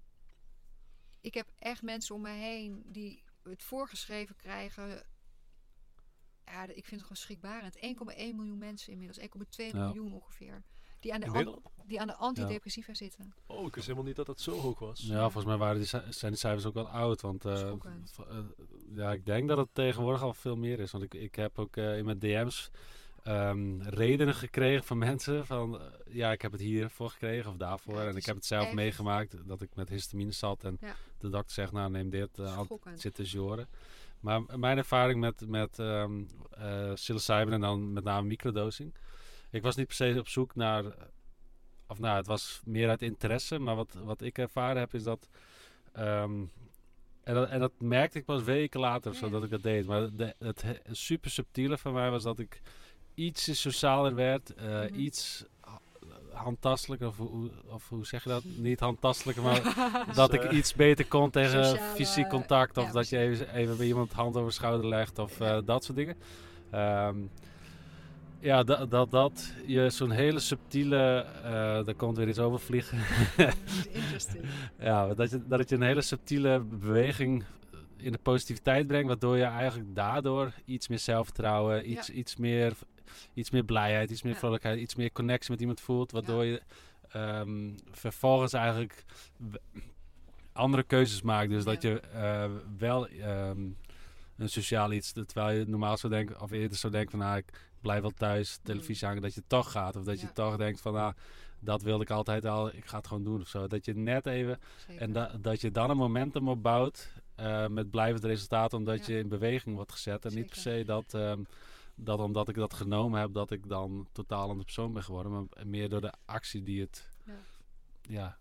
Ja, want, Ja. want als je niet goed voelt, is het veel makkelijker om thuis eh, eh, op de bank te zitten en Netflix en fastfood te Ja. eten. Maar da- dat vond ik eh, het mooie aan dit. En daarmee is die intentie, maar ook weer die reflectie zo belangrijk. Want Ja. je moet het wel met een bepaalde intentie doen. Je moet weten waarom je gaat microdosen. Eh, en ook dan pas kan je goed reflecteren. Ja. Want dan kan je zien of de dingen waarvoor je het doet, of de intenties waarmee je aan de slag gaat, of die ook terugkomen. Waardoor je het vervolgens op de lange termijn kan eh, blijven volhouden zonder hulp van die microdosing. Ja. Ik denk Ja. dat dat ook nog wel een belangrijke is. Want dat is het ja, het, het, eh, het, hetgene wat ook met antidepressiva fout gaat. Is iemand wordt op antidepressiva gezet en het, het kan helpen, het kan ook niet helpen, maar laten we ervan uitgaan dat het in het beste geval helpt. Hm. Mensen zitten ja, tijdenlang op dat middel. Ja, dat is wel Waardoor je- mooi. Als we het dan hebben over die loop. Mensen Ja. blijven in de loop Ja. op hetzelfde bewustzijnsniveau. Dus je, die spiral gaat niet omhoog. Dus ze zien het als een oplossing en niet eh, even tijdelijk iets, Precies. maar gewoon op de oplossing. Dus ik kan gewoon je. doorgaan. Ja. Ja, dus die loop, hè, die blijft op één niveau hangen. En je wil uiteindelijk je emotionele container vergroten of je sociale container. Of hè, wat jij net ook helemaal zei, die subtiliteit van, oh, ik werd toch iets meer... ehm, die verfijning, die wil je toe gaan passen. Ja. Dat doet microdosing natuurlijk heel mooi. Zo het verschil tussen microdose en ma macrodose. Dus eh, microdose geef je net even die, die scherpe randjes gaan eraf. Die, die, die subtiliteit die je dus gaat ervaren met het medicijn. eh, ja, geef je eigenlijk gewoon een iets, in iets ruimere container. En daar wil je uiteindelijk heen. En als je een- uiteindelijk die container iets hebt verruimd, die zakt niet meer in. Dus die container blijft op Ja, dat precies. niveau. En Maar- dat is dus makkelijker om op terug te stappen Ja. in je bewustzijn. ja, wat je eenmaal ziet kun je niet meer niet zien. Precies. Ja, Dus dat niveau die blijft, dat, dat nou ja, frequentie, resonantie, eh, niveau, level, weet je. En, en dan, dan, dan groeien in, eh, in dat bewustzijn van, oh, maar dit is wat ik doe. En dit is wat ik nu voel. Ja, prachtig. ja want wij, wij hebben dan vorig jaar de macro-dosis gedaan. Ja. Eh, mijn eerste ervaring met ehm, nou, wat, wat men noemt een druk. Ik heb dan microdosing, was eigenlijk het eerste. Maar dat was zo micro dat je dat ja, pas een week later door had. Maar dit was toch wel iets wat je direct door had. Eh. wij, ja, misschien kunnen we daar even doorheen. ehm. ja, ik wil... eh, Dus we zijn Zeker. vorig jaar denk ik in juni, juli bij jou geweest. Was, was Dat was eh, augustus. Oh, augustus. ja. Ja, eigenlijk achteraf hebben we ook wel gezegd... dat was september zelfs. Oh, ja? ja, Oké. maar dat tezijde. Ja, nee, dat, hoe, hoe bijzonder of eigenlijk heel apart het was dat wij met het campertje aankwamen rijden. We hadden jou nog nooit gezien, gesproken of zo. Ja. En dat wij eigenlijk binnen een half uur de- bij jou daar op de bank eh, lagen. En eh, jij, Totaal allemaal, van de wereld. jij allemaal instrumenten uit je tas haalt. En eh, nou, Ja, Eh, Alice in Wonderland, here we go. ja. ja. ja, Ja. super bijzondere ervaring, ja. ja, maar ook wel in, in, in het vertrouwen naar jou toe. En zo. Ja, jij had een beetje ervaring, ik had niks. Dus eh, het, ik, liep, ja, ik ging gewoon ja, empty in, zeg maar. Ja. Dus ik kon, kon bij mij alle kanten op. Ik had eh, ook bewust niet eh, heel veel verhalen gelezen of iets ergens, want dan, dan zit toch iets in je hoofd. nu, nu was ik gewoon echt eh, blanco. Want jij had ook toen nog niet veel verteld van jouw ervaring, denk ik. Ehm, nee, nee, dat Nee. heb ik ook bewust inderdaad niet Nee. gedaan. Nee. En eh, ja, dat doe jij dus vaker, dus misschien kunnen we het helemaal omschrijven. Dus ehm, ehm, je begint met intentieset hebben we gedaan. Ja, ik vind het altijd belangrijk om iemand van tevoren te zien en te spreken. Van waarom wil je dus deze ceremonie doen? Eh, Ik denk dat dat misschien ook Ja, nog wel een hele goede is om in je achterhoofd te houden als je zelf een keer zo'n ceremonie wil gaan doen. Eh, Ja. en je vraagt je af van, eh, doe ik het met iemand die eh, bekwaam is en oprecht is? ja. Eh, ja, dat vond ik zelf heel fijn. Ja. Dat jij een- van tevoren een incheckmoment had. En Ja. dat ik jou ook even kon zien, Ja. kon spreken. Ehm, ja, en ik, ik denk dat de meesten dan puur op gevoel al wel Zeker. kunnen zeggen van, nou, Ja. Mag je altijd nee zeggen daarna. Dat is Ja. echt, eh, ja. Ja, het is ook dat. Het is voornamelijk ook om even kennis te maken, maar ook om, om eh, je intentie te voelen. En, en het is voor mij ook belangrijk dat. Kijk, we gaan een samenwerking aan. Dus het is voor mij ook belangrijk dat ik weet waarom je het wil doen. En dat het ook klopt met mijn visie waarom ik faciliteer en gids. Dus het is een, het is een, eh, een, samenwerking daarin. Ehm, en ehm, ik denk dat daarin het ook gewoon heel belangrijk is dat alles daarin welkom is. Ook nieuwsgierigheid. Als jij zegt, nou ik wil de ceremonie doen, ik ben gewoon nieuwsgierig. Dat is ook een intentie. Dus het is helemaal niet zo dat je met hele zware eh, eh, hulpvraagstukken eh, hoeft te komen. Dat, dat, die worden er ook, hè, die zijn er ook genoeg. Maar je mag ook vanuit nieuwsgierigheid komen. Als ik voor mij, als ik dan over mezelf praat, maar gewoon voel dat je het werk eh, serieus neemt eh, om het aan te gaan met jezelf. Want daar gaat het uiteindelijk om. Want het is, het is quite a journey. ik weet niet hoe jullie dat hebben ervaren.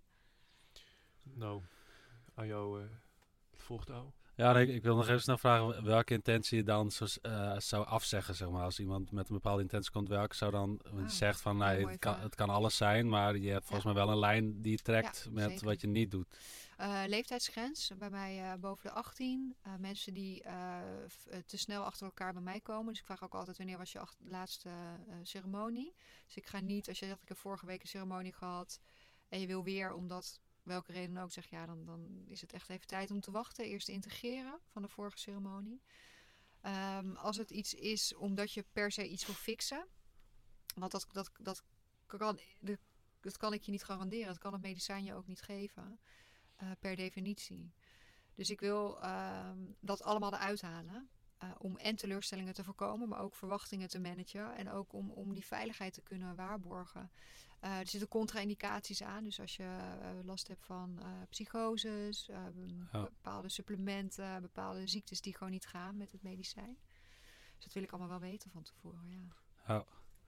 ja en ja, als het om mijn reis ging, ja, ik, ik, ik, denk alleen maar positief. Ik denk dat je van tevoren toch een beetje je achterhoofd hebt van oké, wat, welke deur ga je openen en wat, wat komt daar voor vuile was uh, naar buiten die je eigenlijk uh, niet bewust van bent en eigenlijk ook niet, uh, niet wil zien. Dus ik, ik, ik ging er ook niet in met het idee dat daar iets verstopt zit of waar ik iets ja. Ik was niet specifiek naar iets op zoek, dus ik, ik stond er echt blanco in. Ja, en um, ja, uiteindelijk, nou, we namen, hoeveel gram namen we? 20 of zo? Nee, ja, tussen 16 en 18 zaten jullie, ja. Ja, dus we namen dat en eh, volgens mij binnen een kwartier, sneller zelfs. 10 minuten, kwartier. Ja, kwartier. Ja, waren we eigenlijk al uh, in onze eigen wereld. Ja.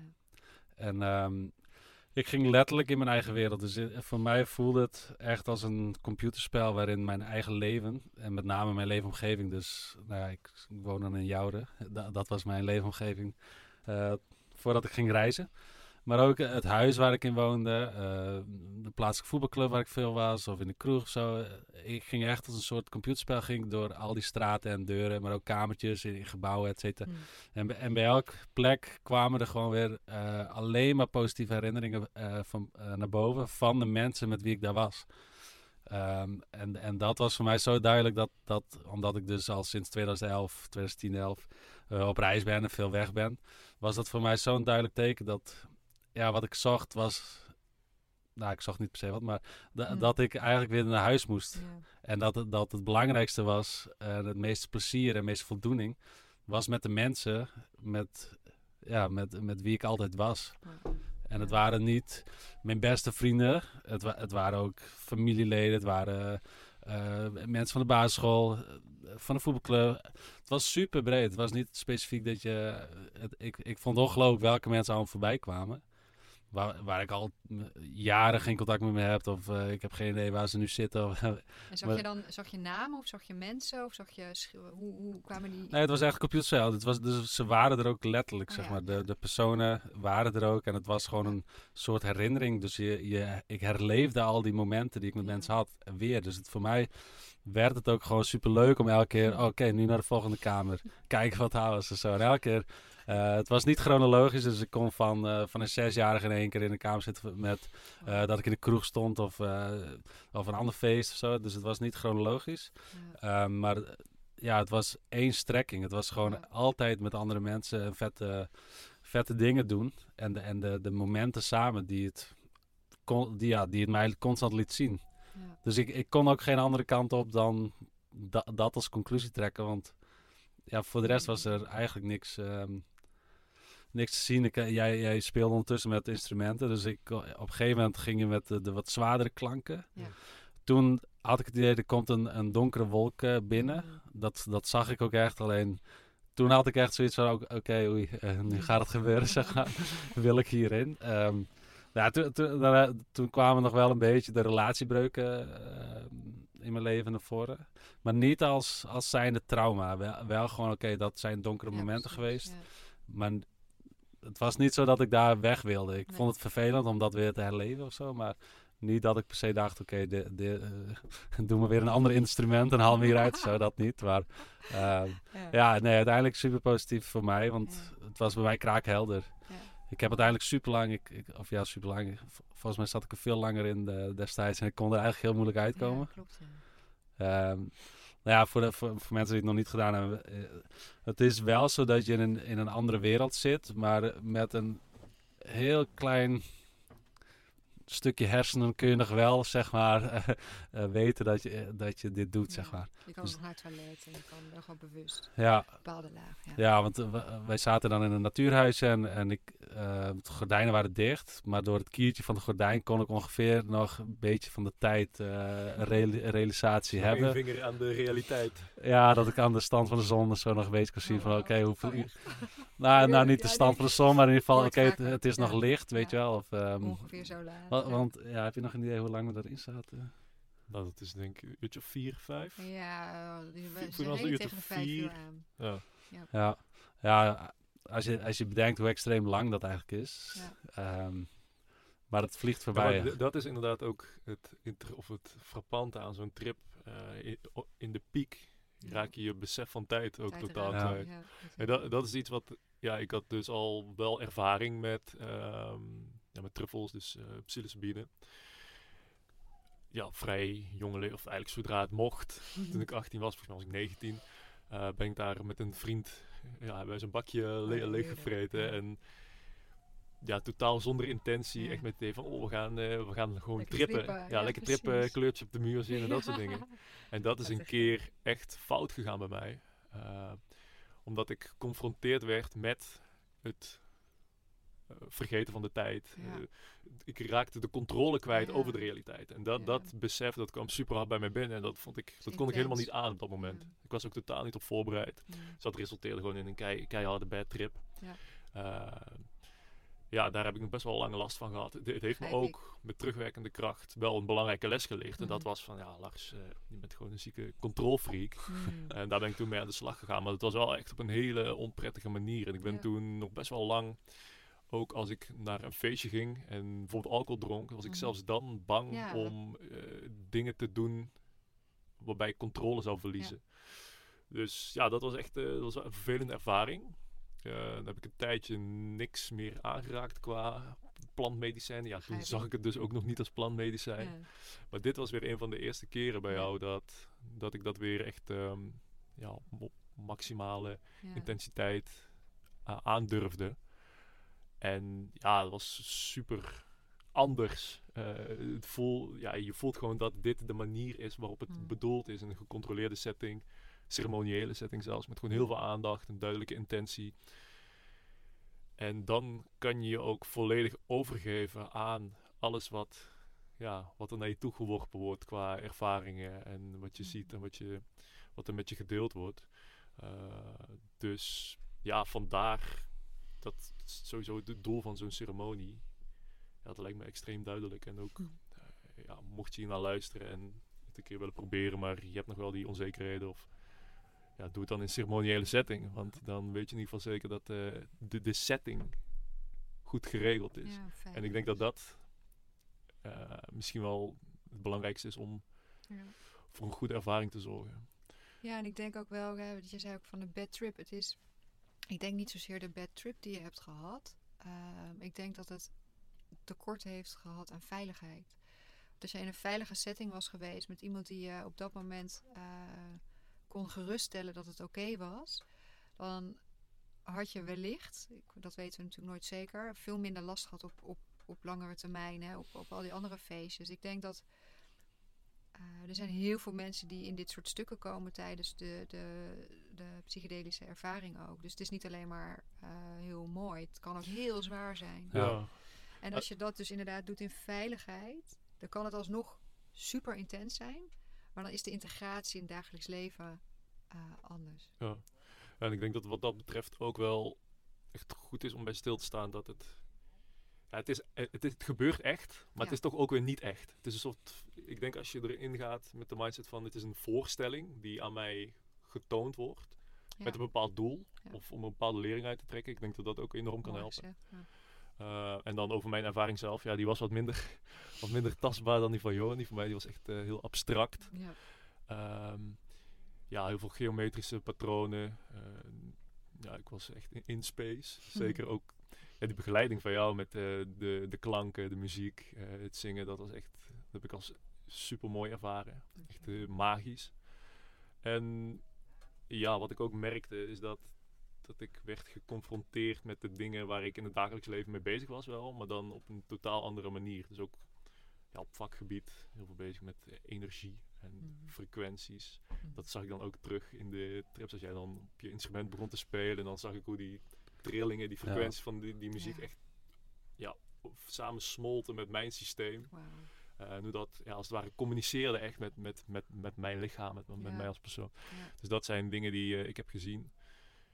Ja, super abstract, maar prachtig. Ja, zo mooi om heel even de brug te maken, want dat is denk ik ook ehm, wat heel veel mensen misschien niet weten, is dat, dat, dat live muziek dus daadwerkelijk ook bijdraagt aan eh, de frequentie waar, waar je de reis in maakt.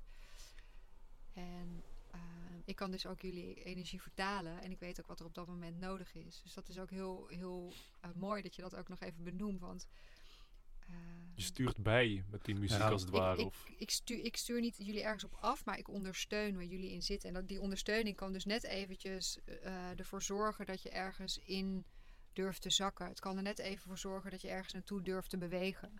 Dus het is niet zo van, oh, ik ga jullie sturen naar iets. Dus ik ga jullie ergens doelgericht op, op afsturen. Nee, ik ondersteun met, met klanken en muziek eh, jullie proces. En ik, ik weet na zoveel jaar met het medicijn te connecten waar wat, wat, wat eh, de golven zijn van het medicijn en wat het dus ook doet in jullie energetisch systeem.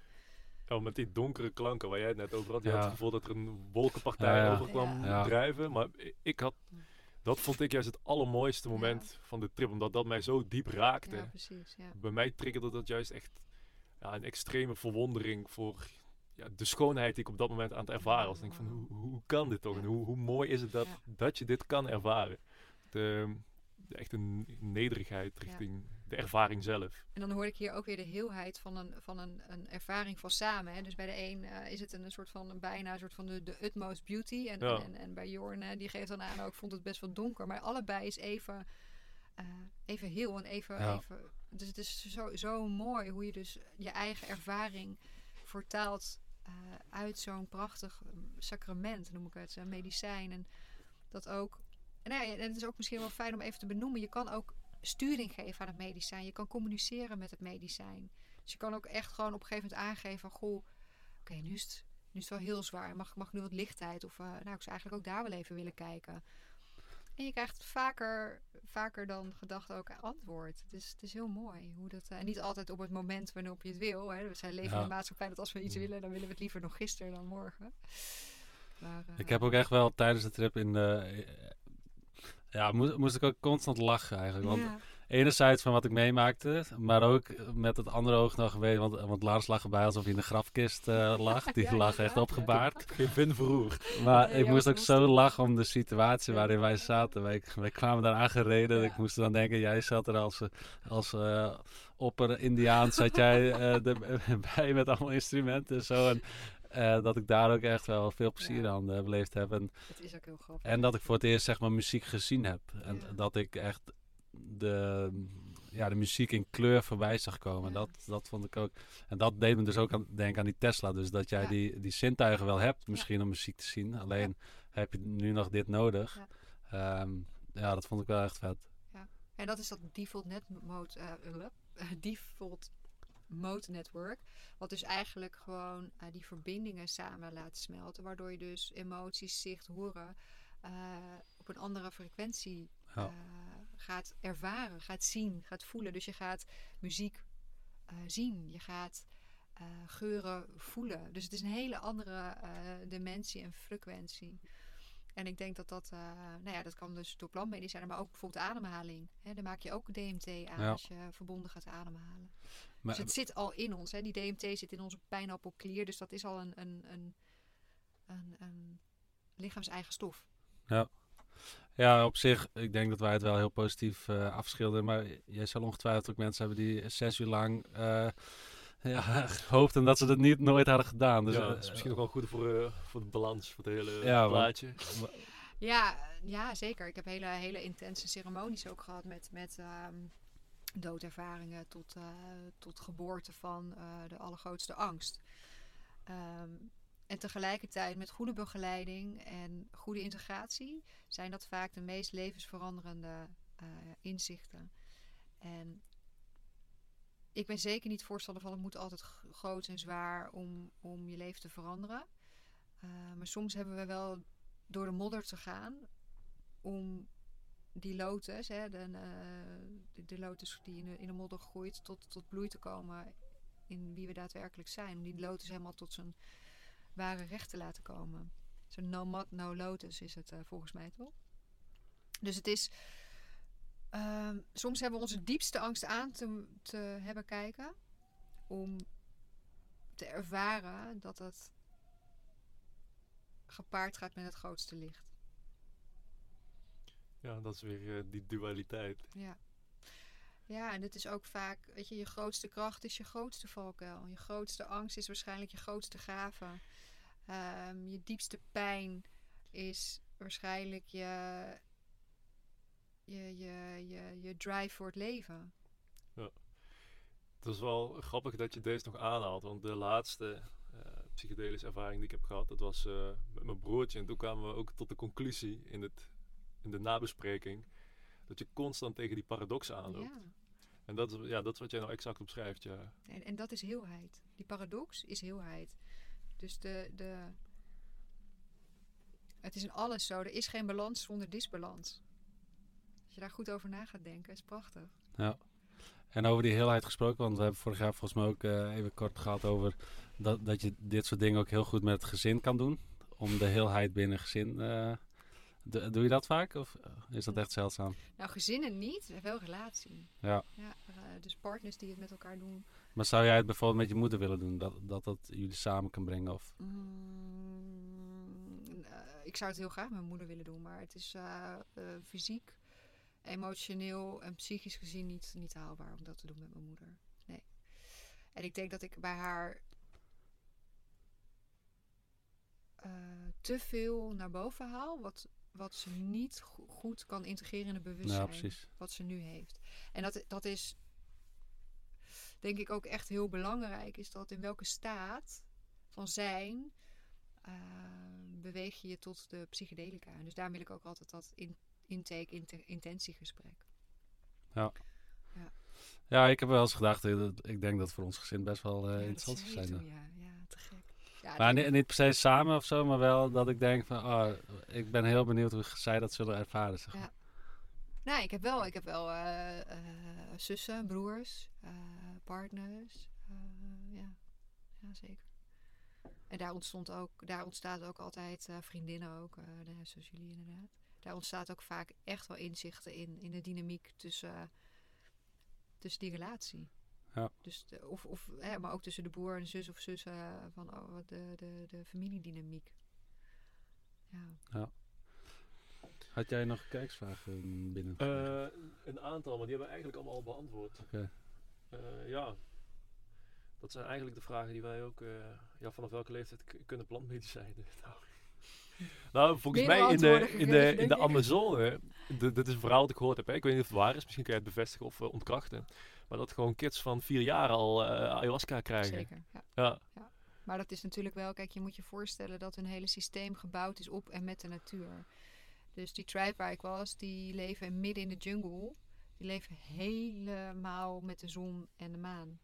Dat is een hele ander, ander biologisch DNA-systeem, eh, energetisch, spiritueel, fysiek dan wij hebben. Dus dat, eh, zijn gewoon vanaf het begin af aan al anders gewaaid. ja, Ehm, zeker. Ja, Ik heb daar ook geen kindje horen huilen, terwijl er echt vier baby's eh, waren. Gewoon nauwelijks. Het is heel bijzonder. dat is ook een interessante, Ja. ja. Ja. Want waarom denk je dat hier iedereen huilt? Of alle baby's? Oh, ja, dat, daar wil ik me niet aan wagen. ik ben geen moeder, dus ik, eh, ja, ik ben wel moeder, maar of, eh, als, als bonusmoeder. En, eh, nee, daar wil ik me niet aan wagen. Maar ik denk wel dat een zekere zin ik kan, kan zeggen. En, en ik denk dat er dus het stresslevel van deze maatschappij enorm hoog is. En dat is dat geven wij door. Ook ten alle tijden in, in, eh, in de zwangerschap tot aan, het, eh, tot aan de, het, kind laten geboren worden. Überhaupt hoe daarmee om wordt gegaan is al heel stressvol. We- wij empoweren de vrouw helemaal niet eh, in, in het geboorteproces. We, we, we zoeken in het hele.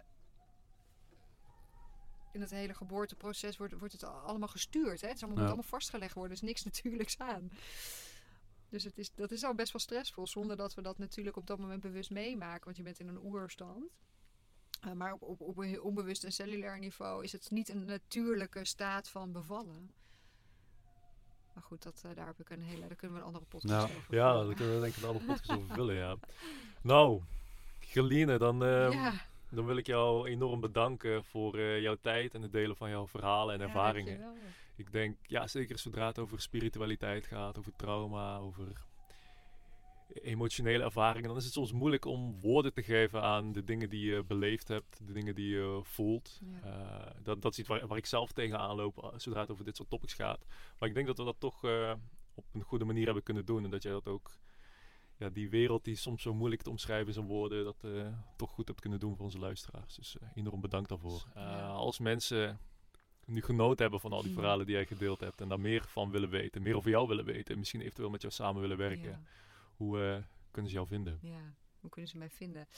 Ehm, eh, ze kunnen mij vinden op uh, www.intoyourmagic.com of uh, www.thewisdomofself.com. Uh, en daar bied ik verschillende trajecten aan. Eén op één ceremonies, retreats en ook een jaaropleiding. Um, wat gaat over het shamanisme en uh, verschillende helingstechnieken. En dat gaat echt over eerst zelf en dan de ander. Dus echt helemaal teruggaan naar de kern. Um, ja, ik wil nog wel heel even inhaken. Jij vroeg volgens mij in een appje van wat is voor jou een spirituele ontwaak ont ontwakening. ontwakening. En toen dacht ik, wat is dat eigenlijk voor mij? Toen dacht ik, ja, dat is gewoon het leven. Het leven zelf. Okay. En daar wil ik er heel graag mee afsluiten. Want echt het leven zelf is één grote spiritual manifest van het mogen zijn hier op aarde. Ja. Ja. ja, ik denk dat dat inderdaad een hele mooie is om uh, mee af te sluiten. Zoals we dat zeggen wij ja. uh, in, de, in de jungle. Aho. Exact. Uh, nou, nogmaals super uh, bedankt ja. Voor jouw tijd. En, uh, ja, en dan bij deze ook bedankt aan de luisteraar. Super dat je de hele aflevering afgeluisterd hebt als je tot hier uh, volgehouden hebt. En ja, dan mag je nu naar de outro gaan luisteren en dan spreken we je in de volgende episode. Hmm. Ja. Dat was hem weer voor vandaag. Top dat je bent blijven hangen tot het einde. Wat een gave verhalen en ervaringen heeft Gerline vandaag met ons uh, gedeeld. Zodra we in dit soort onderwerpen rondom spiritualiteit en plantmedicijnen duiken, dan kan ik niet anders dan weer tot het besef komen dat magie daadwerkelijk lijkt te bestaan. Ik weet zeker dat Gerline haar verhalen je hebben kunnen inspireren. Laat ons even weten of je het een interessante podcast vond. Uh, vond je het leuk om te luisteren of heb je wat gehad aan de topics die we besproken hebben en wil je ons helpen om dit geluid te verspreiden? Deel hem dan ook even met je vrienden, familie en kennissen. Geef ons een beoordeling op Spotify en luister je op YouTube. Geef ons dan een like en subscribe op ons kanaal, zodat je op de hoogte blijft van wanneer we nieuwe video's publiceren. Dan wil ik je voor nu heel erg bedanken voor het luisteren en tot de volgende aflevering.